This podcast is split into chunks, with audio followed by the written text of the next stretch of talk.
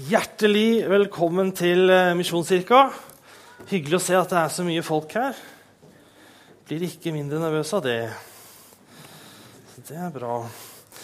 Um, jeg har sett noen folk i dag som jeg ikke har sett før. i hvert fall. Jeg har lyst til å ønske dere hjertelig velkommen. Og hvis du er ny her eller bare er på besøk, så spesielt velkommen til deg. Håper du trives og håper du har lyst til å komme tilbake igjen. Håper du har lyst til å begynne her. Håper du har lyst til å bli en del av denne menigheten som vi er. Og til dere som er på podkast og lytter, lytter, der, hallo på deg. Um, god påske! God påske til deg, Alex. Ja, det er så hyggelig. Det var kjempe... God påske! Ja, ah, takk for det. Jeg har hatt en veldig fin påske. faktisk. Jeg har fått eh, kjempegodt stell hos min, eh, først hos min svigermor og svigerfar, og så hos min mamma, og så hos min pappa, og så tilbake til svigermor og svigerfar. Så det har eh, woo, det, har liksom, det, har, eh, ja, det har vært mye spising, og så har vi liksom spist etterpå. Og det har stort sett vært liksom hele min, eh, min påske. da. Um, så det har vært godt. Mitt navn er Alexander Gundersen. Jeg er ungdomspastor her i menigheten. Jeg er altså en av tre pastorer her. Vi har en eh, sånn hovedpastor som heter Frode Øvergård. Så har vi en barnefamilie- og eldrepastor som heter Inger Kittelsen. Og så er det meg. Ja, Det er ikke deg, Hilmar, for du heter Hilmar. Men eh, kanskje en dag. Vi har et lite lys som sitter på første benk her. Det er bra. Um, som, som, Siv sa innledningsvis, så skal vi starte på en ny taleserie i dag. Vi har, uh, vi har hatt påske, og før det så hadde vi liksom ti søndager med Jakobs brev. Så nå, ja, nå, er det bare 65 bøker igjen. Uh, nei da. Uh, eller det er det, men vi skal ikke ta alle de. nå, men vi skal ha en serie. Det er tre søndager som skal handle om tilbedelse. Okay, skal handle om tilbedelse. Og så er det to søndager med misjon. Og så er det konfirmasjonssøndagen. Så det er liksom de neste seks, seks søndagene. Men eh, det er tilbedelse det skal handle om nå. Eh, som dere kanskje skjønte innledningsvis, er det altså da penger det skal handle om i dag. Penger og rikdom. Eh, ikke rikdom som i har masse venner og har flott familie og har det så godt. Ikke sånn rikdom, men, men det er snakk om penger, eiendeler, kontoer, aksjer altså, altså, Det er det det er snakk om. Materiell rikdom. Det er det det er snakk om i dag. Og så Neste søndag så skal vi snakke om liv. Hvordan tilber vi med våre liv? Hvordan tilber vi i det livet vi har? Og så til slutt så er det lovsang vi skal snakke om. Så det er litt sånn eh, all over the place. Det er penger, og det er liv og, og, lovsang som er de tre som vi skal snakke om. Um, vi har prøvd å definere tilbedelse, eller i hvert fall komme med liksom et forslag Eh, på hva det kan være for noe. Og det, eh, det, er ikke så lett. Jeg vet ikke hva du tenker på når, når jeg sier tilbedelse. Jeg vet ikke om liksom, du tenker aha, det er jo da, da, sånn. Eller om du tenker hm, det var sannelig ikke helt enkelt å forklare. Um, for det, det, vi oppdaget når vi jobba med dette, her, er at enten så får du en veldig veldig bred definisjon som er kjempeflott og fin, og som favner alt, men så er den som vag at den egentlig ikke sier noe som helst. Eller så blir definisjonen ganske smal og veldig konkret. Det er veldig tydelig, du vet hva det er for noe. Men så er den ganske ekskluderende. Så er det kanskje en del ting som også er tilbedelse, som på en måte ikke favnes av det. Men vi har landet på noe, og vi skal få den definisjonen på skjermen. så dere får se den. Det vi har valgt, er, det er en reorientering. Tilbedelse altså er en reorientering fra meg og til Gud. Det er fra meg og så er det til Gud. Det handler om å rette fokuset vekk fra meg og mitt og mine og opp til Gud. Det handler om å sette en ny kurs. At det er mot Han jeg har lyst til å gå. Det er der veien min er. Jeg har lyst til å følge Jesus. Det handler om å spørre seg selv hva er det han vil, framfor hva er det jeg vil. Hva er det han ønsker, framfor hva er det jeg ønsker? Hva er det han har lyst til, framfor hva er det jeg har lyst til? Det handler om en reorientering fra meg og til Gud. Det handler om å søke sin trygghet hos Gud. Det handler om å ha sin glede hos Gud. Det handler om å søke trøst der når det går dårlig. Det handler om å takke Gud når det går bra. Det handler om å søke hjelp hos Gud når man trenger det. En reorientering fra meg og til Gud. Dette er noe som eh, vi må gjøre hele tiden og bestandig, og det tar aldri slutt. Det er ikke noe man gjør én gang, og så er man liksom ferdig med det for resten av livet. Tilbedelse er noe som skjer gjennom hele livet. Så det er liksom vårt forslag, eller vårt eh, forsøk på å definere tilbedelse. Eh, men hva i all verden har dette med penger å gjøre?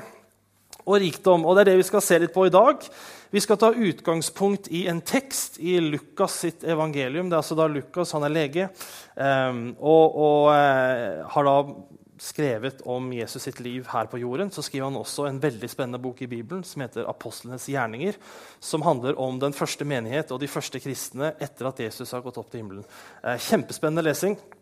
Um, og den uh, teksten som vi skal lese i dag, det handler om en velstående mann og hans møte med Jesus. Og Vi finner den i Lukas 18.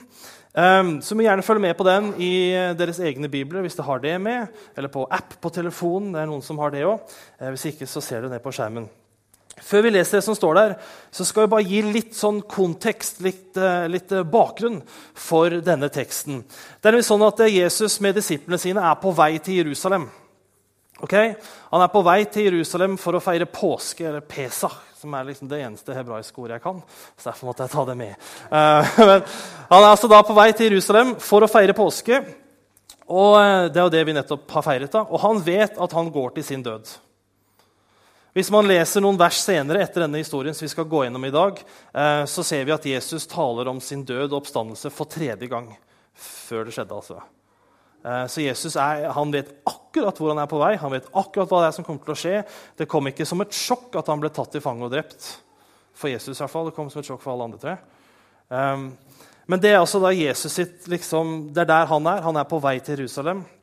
Han skal feire påske. Han rekker så vidt å spise påskemåltidet før han ble tatt til fange og drept. Han er på vei for å dø. For å gjennomgå et helvete, faktisk. Um, jeg vet ikke hvor mange sånne påsketaler dere har hørt. Jeg hørte en eh, for to år siden av en fantastisk eh, tale som heter Timothy Keller. Vi skal snakke litt om han etterpå. Eh, hvor han snakket om hvor viktig det er å ha en god forståelse av helvete. Eh, for å kunne skjønne hva det er Jesus gikk gjennom på korset. For Én ting er den fysiske lidelsen som Jesus opplevde på korset. Det var grusomt. Det var pisking og slåing og håning og spytting og selve korsfestelsen. Det, det, var forferdelig. Jeg tror ikke vi kan forestille oss hvor fælt det var. Um, men det som er enda verre, er at Jesus er den eneste noensinne som har opplevd helvete. Og Han gikk gjennom det sånn at du og jeg skal slippe. Altså Helvete det er altså en total avskjæring, en total på en avkutting fra Gud, som er kjærligheten og opprettholderen av alt liv. Og Jesus er den eneste som har opplevd sånn, et sånn fullstendig fellesskap med denne guden, med denne kjærligheten. Han som har opplevd den i all sin fylde, og samtidig også opplevd å bli skåret av fra den. Og Det er det han gjennomgår på korset, vi, sånn at vi, hvis vi tror på han, skal få slippe å gå gjennom. Han vet at han er på vei for å oppleve dette her, og så er det penger han velger å snakke om. Ok? Det sier noe om hvor viktig dette er. Jesus snakker om veldig mange ting i løpet av de tre årene han virket. Eh, det, alle, det, han snakket mest om, det var Guds rike. Og det han snakket nest mest om, det var penger og rikdom. Han snakket mer om penger og rikdom enn han gjorde om, gjorde om kjærlighet. Han snakket mer om penger og rikdom enn han gjorde om tilgivelse og nåde. nåde. Han snakket mer om det enn om, om, det evige livet, eller om himmelen eller om helvete. for seg skyld. Um, Penger er altså viktig. Ok, Så det er litt sånn, nå har dere litt eh, background. Det er bra. Vi skal lese denne historien. Jeg har delt den i fire, så vi kommer til å lese litt, og så stoppe opp. og så lese litt, og så stoppe opp. Eh, men vi begynner altså da i Lukas 18, eh, vers 18. Et medlem av rådet kom og spurte ham, 'Gode mester, hva skal jeg gjøre for å arve evig liv?' Men Jesus sa til ham, 'Hvorfor kaller du meg god?'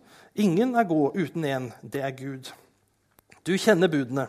Du skal ikke bryte ekteskapet, du skal ikke slå i hjel, du skal ikke stjele, du skal ikke vitne falskt, du skal hedre din far og din mor. Og han svarte, Alt dette har jeg holdt fra jeg var ung. Eh, det første vi får vite, er altså at det er en mann fra rådet som kommer til Jesus. Rådet det er altså da eh, jødenes øverste nasjonale domstol og styringsorgan i Israel. Israel var altså da et okkupert land. Eh, romerne, Romerriket, keiserne, de hadde altså da okkupert Israel. Eh, og så hadde de satt inn en konge, det var altså Herodes da når, når Jesus ble født, som sto under keiseren. Og så hadde de masse sånn landsfyrster osv. Og, så og så under alt dette her så fikk jødene lov til å ha en egen domstol eh, som het Rådet. Det var 71 medlemmer i dette rådet. Så denne karen som kommer til Jesus, er da en, er da en av de 71 på en måte fremste, lederne i, eller fremste jødiske lederne i Israel. Og denne karen han spør da Jesus hva må jeg gjøre for å få evig liv. Hva er, liksom, hva er løsningen? Evig liv, du snakker om det, Jesus. Jeg syns det høres bra ut. Jeg har lyst på det. Hva må jeg gjøre for å få det? Hva må til? Og Jesus begynner å svare han, så sier han jo, jo du, du, er jøde, ikke sant? og du sitter etter rådet, så du er sannsynligvis skriftlærd, og du kan din bibel, ikke sant? så du kjenner jo budene. Du skal ikke bruke ekteskap, og du skal ikke stjele og ikke slå i hjel. Ikke ditten datten. Alle disse tingene her, dette kjenner du til. sant? Og mannen nikker og begynner sikkert å føle litt sånn der OK, liksom, dette her kan jeg. For alt dette her har jeg holdt fra jeg var ung. Dette her lover bra. Jeg tror mannen får litt, litt sånn inntrykk av at nå ligger jeg godt an for å arve dette livet. Jeg ligger godt an for å få evig liv. Men så er det nok ikke så enkelt. Og vi skal lese videre, så skal dere få del to. Da Jesus hørte det, sa han til ham, Én ting mangler du enda. Selg alt du eier, og del ut til de fattige. Da skal du få en skatt i himmelen. Kom så og følg meg. Men da mannen hørte dette, ble han dypt bedrøvet, for han var svært rik. Han ble dypt bedrøvet, for han var svært rik. Plutselig så lå mannen som trodde han lå godt an, plutselig lå han ikke så godt an lenger. Han trodde han hadde fiksa det, han trodde han hadde fulgt alle budene, at det holdt til å arve det evige livet. Men så viste det seg at han manglet jo noe, og det var jo noe betraktelig. Han måtte selge all sin eiendom, eller selge alt han eide, ehm, og dele ut til de fattige. Og det likte han ikke. Jeg syns det er veldig interessant å, å, å legge merke til reaksjonen til han her mannen. Um, han har jo spurt Jesus om hvordan han kan arve evig liv. Er, det er en stor greie. Og så får han et svar fra Jesus, og han, altså reaksjonen hans er ikke 'Å, det visste jeg ikke, Jesus. Takk for at du sa det.' Nå kan jeg jo gå bort og så kan jeg jo selge alt jeg eier, og dele ut til de fattige, og så, og så arver jeg det evige livet. sant? Det er jo ikke reaksjonen hans i det hele tatt. Han er på ingen måte takknemlig over den velsignelsen han kan være for de fattige. For eksempel. Han er ikke takknemlig for at han nå vet hva som må til for å komme til himmelen. Men han blir dypt bedrøvet fordi han var svært rik. Han blir dypt bedrøvet fordi Jesus sier at nei, du må faktisk gi vekk alt det der som du eier og har. Han blir lei seg, han blir trist, han blir sikkert bekymret og urolig. Og jeg tror Grunnen til det er fordi han hadde et usunt forhold til sin rikdom. Og Jeg tror Jesus visste det, og det er derfor han utfordrer ham på det ha et usunt forhold til sin rikdom. Um, jeg, bruker penger og rikdom litt sånn uh, om hverandre. Uh, jeg, mener det samme altså, uh, med det. Og det, som jeg sa i sted, det handler ikke bare om pengene dine på kontoen eller pengene mine på min konto, men, men det handler om alle våre materielle eiendeler. Okay? Er alle med på den? Ja, halvparten av dere? Ja, det er bra. Godt nok.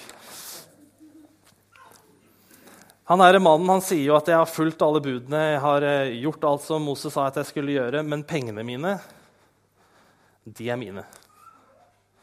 Og Gud kan godt fortelle meg hvordan jeg skal leve livet mitt. Gud kan godt fortelle meg hva som er lurt og ikke lurt, og hva som er best for meg og ikke best for meg. Jeg skal følge det. Det er fint, liksom. Men rikdommen min, den må han holde seg unna. Og den er min, den tilhører meg. Det er jeg som har tjent den, det er jeg som har fortjent den. Det er jeg som skal disponere den, jeg som skal bruke den, det er jeg som skal nyte godt av den. Ligg unna Gud. Han, spesielt, han virker spesielt overgitt til å begynne med. Så virker han ikke spesielt overgitt etter dette møtet med Jesus. Vi skal lese del tre. Den får du også på skjermen. Da Jesus så hvor bedrøvet han ble, sa han, hvor vanskelig det er for den som eier mye, å komme inn i Guds rike. Det er lettere for en kamel å gå gjennom et nåløye enn det er for en rik å komme inn i Guds rike. Jeg skal gjøre noe litt barnslig her. Jeg har med meg en nål. Ser dere den? Ja. Ser dere nåløyet? Nei, kanskje noen av dere som ser det. Ehm, det er et nåløye på toppen av den nålen. Det Jesus sier at det er lettere for en kamel Jeg vet ikke hvor stor en kamel er, men sånn Sånn? Vet ikke. Uh, større enn meg, i hvert fall. Han sier det er lettere for en kamel å komme gjennom det nåløyet da, enn det er for en rik mann å komme inn i Guds rike. Jeg tror ikke det, jeg ikke det liksom er tilfeldig at Jesus bruker den illustrasjonen. Ok? Jeg tror det er, altså jeg, jeg tror det er et kjempepoeng. Altså er, altså jeg får kanskje et hårstrå liksom, gjennom Det er vanskeligere for en kamel å komme gjennom det bitte lille hullet der. For, det er lettere for en kamel å komme inn der enn det er for en rik mann å komme inn i Guds rike. Det Jesus sier, er at eh, tilbedelsen av rikdom det er et kjempehinder for å arve det evige livet. Det er et kjempehinder for å komme til himmelen. Det er et kjempehinder for å bli kjent med Guden som elsker deg. Gigantisk. Å tilbe rikdommen din og elske rikdommen min er et kjempehinder.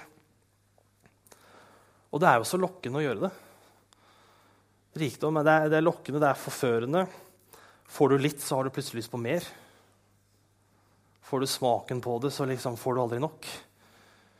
Alle gjør det jo også. I hvert fall her i Norge. Da. Liksom det, er, det, er, så lett å la det dreie seg om rikdom, for det er jo tross alt det alt dreier seg om. nesten. Kulturen vår, samfunnet vårt, forteller oss at dette er det lure, dette er det smarte, dette er det riktige. Det, dette samfunnet vårt er bygd på. Det er klart om må søke etter penger, det er klart om må søke etter rikdom, og det er klart om må søke etter mer. Hvis ikke så går jo landet vårt til grunne. Landet vårt er jo basert på økonomisk vekst for hvert år. ikke sant? Og Hvis ikke det er vekst, så går det jo dunken, og det ser vi jo nå. sant? Det skal jo alltid bli mer. Alltid. Jesus sier at tilbedelsen av rikdom er et hinder. Um, dere fikk en sånn bulletin, eller skulle ha fått en bulletin når dere kom inn. På den så står det to bibelvers. Vi skal lese det ene nå. Eh, det er det som står til venstre fra Lukas 16, vers 13. Det er så da bare et par kapitler før det vi leser, leser nå. Der sier Jesus.: Ingen slave kan tjene to herrer.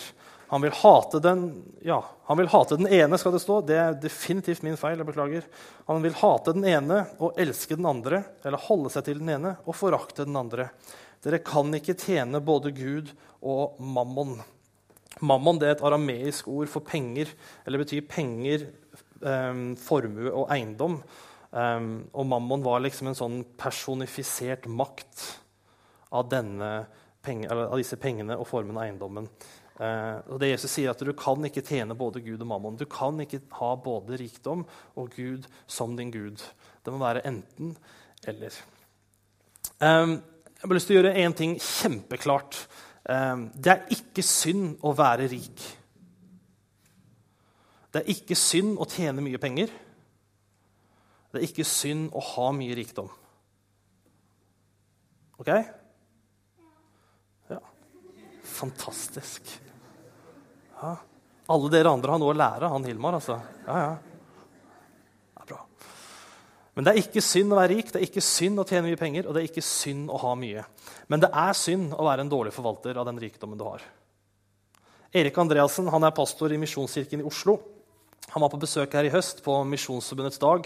Eh, Misjonsforbundet er det kirkesamfunnet som vi tilhører. Eh, og så hadde han en tale om det å være en forvalter. og Han innleda sin tale med å si at alt det du har, alt det jeg har Og han snakket ikke bare om rikdom, han snakket også om eh, mitt, altså familie, liv, venner, eh, utdannelse, erfaring, tanker, følelser, seksualitet. Alt sammen. Liksom. Alt det jeg har og er, det er Gud sitt. Det er Gud sitt. Det er Gud som skapte, det er Gud som opprettholder alt liv. Og det er kun pga. han at jeg har det. Hadde det ikke vært for at han hver eneste dag bestemmer seg for at ja, jeg skal opprettholde dette livet, jeg skal fortsette å gi Alexander livet i gave, så hadde jeg ikke klart å ha noe av det som jeg har. Og Erik eh, fortsatte med å si at vårt ansvar er å være gode forvaltere av det som Gud har gitt oss. Okay? Så det er ikke synd å være rik. Men det er synd å være en dårlig forvalter av det som Gud har gitt oss. Det har vi et stort ansvar der, å være gode forvaltere. Det er ikke synd å tjene mye, men det er synd å ikke bry seg om de som ikke har mye. Okay? Det er ikke synd å ha stor lønning, men det er synd å ikke bry seg om de som har veldig lite, og de som har det tøft. Og det er ikke synd å ha mye rikdom, men det er synd om rikdommen blir din Gud. Vi skal lese det andre verset som står på bulletinen, det som står til høyre, fra Matteus 6. Dere skal ikke samle skatter på jorden. Det er Jesus som sier dette også. Hvor møll og mark ødelegger, og hvor tyver bryter seg inn og stjeler. Altså, Dere skal ikke samle dere rikdom her på jorden, som enten kommer til å råtne, eller som kommer til å forsvinne, eller som kommer til å eh, bli borte, eller som noen kommer til å ta. Men dere skal samle dere skatter i himmelen, der verken mark eller møll eller mark ødelegger, og tyver ikke bryter seg inn og stjeler. For der skatten din er, vil også hjertet ditt være. Vi skal lese den siste delen av, eh, av historien. Den får dere også på skjermen. Hvem kan da bli frelst, sa de som hørte på. Det er altså da en eh, ja, Jeg vet ikke hvor stor eh, forsamling det var, men jeg regner med at det var en del mennesker som så på denne utvekslingen mellom den rike mannen og Jesus. Og De spør da Jesus hvem kan da bli frelst, sa de som hørte på. Han svarte, det som er umulig for mennesker, er mulig for Gud. Denne fortellingen står også i Matteusevangeliet og i Markusevangeliet. Og Der er, står en litt annen formulering der. Der står det at for mennesker er dette umulig, men for Gud er alt mulig. Vi kan ikke frelse oss selv. Bare Gud kan. Det er kjempeinteressant. For samtalen som Jesus har med denne mannen, starter først med et spørsmål. hvordan kan harve livet? Og så virker det som om Jesus gir oppskriften på det. Følg budene. Selg alt du eier. Og da er du innafor. Liksom. Så det virker nesten som at eh, Jesus sier at hvis du bare gjør disse tingene her, så er du innafor. Men så avslutter han samtalen sin med å si at eh, det er ingen som kan frelse seg selv. Du kan ikke kjøpe deg til himmelen. Altså Hvis du gir timen og så velger nei, å gi 20 liksom, til menigheten, så er jeg liksom sikra en, en, en, plass i, i paradis. Det er, det er, ikke sånn det funker. Du må veldig gjerne gi 20% Det er Helt topp. um, men, men, det blir ikke noe mer med i himmelen av den grunn. altså. Ikke i det hele tatt. Lønningen min blir litt mer sikker, men bortsett fra det, så Nei da. Ja, det er også viktig å si, Hvis dere gir mer til menigheten, så er det ikke sånn at jeg tjener mer penger. Det ja, det er viktig. Det er viktig. Alt det går til hovedpastoren. Er liksom bare... Ja. Du ser hvor godt kledd han er, liksom. Ja, så... Jeg har brukt den skjorta i fem år, liksom. Så Nei da. Uff. Jeg måtte le litt nå. Det ble litt sånn tungt og dystert. Det er viktig å le litt. Um, men, men, men, men det, det, det, er et kjempepoeng. Altså. Du kan ikke frelse deg selv. Og, og, og, med frelse så betyr det at du kan ikke komme deg til himmelen på egen hånd. Det, det, funker ikke, det går ikke. Du kan gjøre utrolig mye godt. Følge alle budene, og du kan selge alt du eier. Du kan prøve det, liksom. Gjør det etterpå. Selg alt du eier, gi det til de fattige, og se om det kommer, får deg til himmelen. Altså, det, funker ikke. Det eneste som kan få deg til himmelen, det er Gud. Som jeg sa innledningsvis, så døde Jesus på korset for deg og meg. Han gikk gjennom helvete sånn at du og jeg skulle slippe det. Og Eneste måten å komme til himmelen folkens, det er å tro på Jesus. Du kan oppføre deg så fint du bare vil. altså. Og Du kan gi så mye penger. Du kan ha fadderbarn liksom, i alle verdens hjørner. Og du kan gi masse til menigheten, og du kan liksom støtte Røde Kors og, og Kirkens Nødhjelp og, og, tiggerne her i Stavanger. Det liksom, men det er ikke det som får deg til himmelen. Det er veldig godt. Misforstå meg rett, det er kjempebra. Men det får deg ikke til himmelen. Det er kun, kun troen på Jesus. Jesus sier at det ikke handler om hva du, hva du, gjør eller har gjort, eller hvordan du lever eller har levd. Det er ikke det som kvalifiserer deg. Men Gud elsker deg på tross av alt det. Og det er det som kvalifiserer deg. Jeg snakket litt om eh, Tim Keller i begynnelsen, som hadde den fantastiske talen om, eh, om, eh, om påsken. Og han, eh, Timothy Keller han er eh, pastor i en menighet som heter Redeemer Presbyterian Church i New York City. Midt på Manhattan. Og det er en menighet som har opplevd eh, gigantisk vekst de siste årene. Um, det er en menighet som ser veldig annerledes ut enn denne menigheten. Jeg leste programmet for forrige gudstjeneste de hadde. altså palmesøndagsgudstjeneste de hadde. Jeg lurer på om programmet var på ni av fire sider. Um, det, var, det, er veldig mye sånn spørsmål eller sånn type sånn uh, Han som står her framme, sier noe, og så svarer salen. og Så er det kor, og så er det symfoniorkester, og så er det høytlesning og høytbønn og stillebønn. og Det er liksom alt mulig. Kjempeliturgisk. Um, men det er en menighet som ser enorm vekst, spesielt blant unge mennesker. Interessant. Og spesielt blant um, det som han Timothy Keller kaller for 'rational New Yorkers'. Som er liksom rasjonelle, tenkende mennesker uh, som bor i New York. Um, og Hans stil er veldig, jeg, det er fantastisk forkynner. derfor jeg snakker litt om han. Jeg vil anbefale alle å gå inn, eh, søke på nettet, høre på podkast. Han heter Timothy Keller. Eh, han, har, eh, han, taler på en måte som eh, i hvert fall taler til meg kjempegodt. Jeg elsker det. Um, men han tar på en måte tvil og spørsmål på alvor og adresserer det. Um, elsker det. Men i hvert fall, Han sier noe om evangeliet, og det skal dere få nå på skjermen. Han sier The gospel says you are more sinful and flawed than you ever dared believe, but more accepted and loved than you ever dared hope. Altså Evangeliet sier at du er mer full, av synd og feil enn du noen gang har fryktet. Altså Hvis du noen gang har stilt deg spørsmålet er jeg god nok for himmelen, liksom? holder jeg mål, er jeg et godt menneske, så sier evangeliet at nei. Det er du ikke, altså. Men så sier det samme evangeliet at du er mer akseptert og elsket for den du er, enn du noen gang har turt å håpe på. Og Det er de gode nyhetene som vi prøver å forkynne. Det er de gode nyhetene vi kristne har prøvd å fortelle i, i, i 2000 år. Det er vårt budskap. At du ligger så syltynt an, altså. Og så har du likevel en Gud som elsker deg, og som hedrer deg.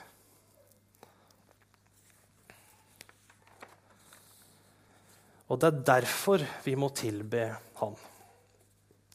Det er derfor vi må rette fokus på ham. Det er derfor vi må sette kursen vår mot ham. Det er derfor vi må vende oss mot ham når det går dårlig, og rette takken vår til ham når det går bra. Det er derfor vi må reorientere oss stadig vekk i alt vi gjør. Vekk fra meg og til ham. Vekk fra meg og til Gud. For vi kan ikke frelse oss selv, men Gud kan, og Gud vil. Vi skal gå inn for landing. Um, jeg har en utfordring og en oppfordring, og så har jeg noe godt. Det er liksom avslutningen. da. Prøver å ende godt. Um, utfordringen min først Dette handler jo om penger da, og rikdom først og fremst i dag. Eller først og fremst om evangeliet, dernest om penger. er riktig.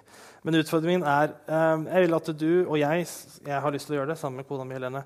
Uh, men det er at etter gudstjenesten, når du kommer hjem, eller når du har litt ledig tid, så vil jeg at du skal ta en ærlig kikk på ditt forhold til din rikdom. Ok? Er du for knytta til dette her? Er det det som er fokuset ditt? Er det det som er med på å bestemme, er det det som bestemmer livet ditt? Er det det du er opptatt av? Er det vanskelig å gi slipp på? Det er et godt tegn på at du kanskje er litt for knytta til det. Litt for mye knyttet til det. Hvis det er vanskelig å gi slipp på det.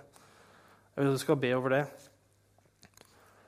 Um, gå gjerne gjennom det med ektefellen din hvis du har det, eller med barna dine. Altså, snakk litt om dette her. Um, jeg vet ikke hvordan dere har vokst opp. Jeg vokste opp i en familie der det å snakke om penger det var litt sånn tabu. Vi snakket aldri om liksom, hvor mye mamma og pappa tjente, eller hvor mye det kostet, eller hvor mye man betalte for noe.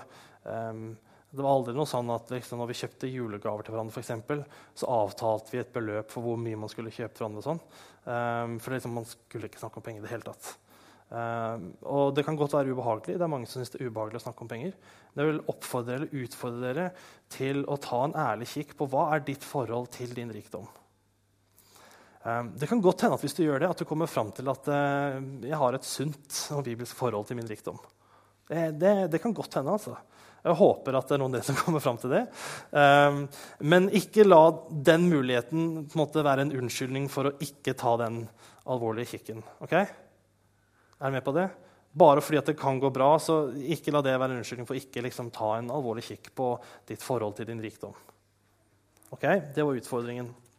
Jeg har en oppfordring også, og det er å begynne å gi. Um, Bill Hybels en annen sånn, eh, av mine helter i fall, da, han er pastor i en menighet som heter Willow Creek. Um, som, som, regnes som en av de mer innflytelsesrike menighetene i verden. Um, han har da startet noe som heter GLS, som heter Global Leadership Summit. Um, det er en årlig lederskapskonferanse eller ledelseskonferanse hvor han inviterer toppledere, de beste på ledelse i verden, til å komme og undervise. Dette sendes i, i, mange land over hele verden. og Vi var en gjeng fra menigheten som var med på det i fjor. og sånn jeg har forstått det, så er det noe man pleier å gjøre hvert år. Eh, det vil også bli arrangert igjen nå til høsten. og Hvis du har lyst til å være med på det, så si ifra, så er menigheten med og støtter deg. Eh, så at du kan være med. Det er fantastisk bra. Men han Bill Hybels, han, det var da på fjorårets GLS så fortalte han eh, Han har alltid en sånn der kollekttale, kollektappell. Og så fortalte han det at eh, det var en menighet i USA som hadde stemt seg for å gi 10 000 dollar. Så det er 70 000-80 000 kroner da, med dagens kurs. Så 10 000 dollar skulle de gi til GLS. Og det skulle brukes på å starte GLS i et nytt land. Okay? Skulle ikke gå til liksom, å drive GLS i USA og andre land, men skulle liksom være med å starte GLS i et annet land. Eh, og det som det endte opp med, var at de startet GLS i Uganda. Hadde første, den første GLS-en i Uganda. Inviterte pastor, inviterte leder til å komme dit. Hadde masse undervisning. Um, og, det, og, da fikk man da et intervju med en sånn pastor som var med på eh, denne samlingen i Uganda. Og det han forteller, da, er at resultatet av den GLS-en førte til at det var en hel masse ledere som begynte å ta ansvar. Og så er det bare for en lang historie kort, så fører det til at et helt land begynner på en helbredelsesprosess um, for det som har skjedd. Altså, de har gått gjennom en rekke med diktatorer. Det har skjedd forferdelige overgrep. Og det, det, det ender opp med da, at statsministeren og presidenten er litt usikker på hva de har der, men i hvert fall øverste lederen i Uganda går på nasjonal TV. Da. Og for aller første gang så er det et statsoverhode i Uganda som ber folket om unnskyldning for alt det staten har gjort mot dem. Okay? Det er massivt. Første gang har aldri skjedd før. Så er det en leder, øverste lederen i Uganda som står fram og sier unnskyld for alt det vi har gjort mot dere. Vi skal stake en ny kurs. Og det kommer av at en menighet bestemmer seg for å gi et relativt lite beløp da, til GLS. Så sier Bill Hybels og girer seg opp. ikke sant? Og du vet hvor dette skal ende. Han sier liksom, 'Vær med og gi til GLS. Du kan forandre verden.' Det er liksom greia hans. Og så sier han 'men'. Her kommer poenget mitt. da. Men, sier Bill Hybels, hvis ikke du gir til din lokale menighet, så vil ikke jeg ha en krone av deg. Du må gi der først. Bill Hybels sier at eh, den lokale menigheten er verdens håp. Og Det sier litt om den troen han har på menighet. Det sier litt om hva Gud har skapt menigheten til, og hva han har lagt ned i den, når han sier ikke gi penger til GLS, sånn at et land kan forandres på den måten som det skjedde i Uganda, hvis ikke du allerede gir til den lokale menighet. Så oppfordringen min er å begynne å gi. Ikke gi for å få bedre samvittighet, ikke gi for å rettferdiggjøre ansyn i livet ditt. Altså, jeg gir til kirka, liksom, så det er greit å holde på med disse tingene her. Um, ikke gi for å komme til himmelen, det funker dårlig. Og ikke gi bare fordi at, uh, jeg sier at jeg skal gjøre det. Men vær med å gi fordi Jesus har gitt deg alt. Vær med å gi så du kan være med og velsigne alle de som ikke har det så godt. Vær med å gi sånn at du kan velsigne alle de menneskene som Gud elsker, som denne menigheten kan være med på nå, med evangeliet. Og gi for at penger ikke lenger skal ha makt over deg, men så at du kan få se mer av hvem Gud er, og la ham virke i ditt liv. Og det var det gode jeg ville avslutte med. Jeg tror at nøkkelen til, at, eh, til å la penger på en måte ikke lenger ha makt over oss, det er å gi det vekk. Og hvis du syns det er uh, ubehagelig eller rart, ikke vet åssen du skal begynne, så begynn i det små. Um, når jeg begynte å gi først, så ga jeg 200 kroner i måneden. Det var liksom min start. Så har jeg økt litt siden da. Um, vi har noe som heter avtalegiroer. Um, Daniel Samuelsen, du elsker jo å liksom bli dratt opp på scenen og sånn for foran folk. Uh, jeg skal ikke gjøre det. Men kan ikke du bare reise deg opp? Og så, dette er kasserer Daniel Samuelsen. Ja. ja, du kan sette deg. Det greit. Han er kasserer i menigheten, han som styrer pengene. han som, ja.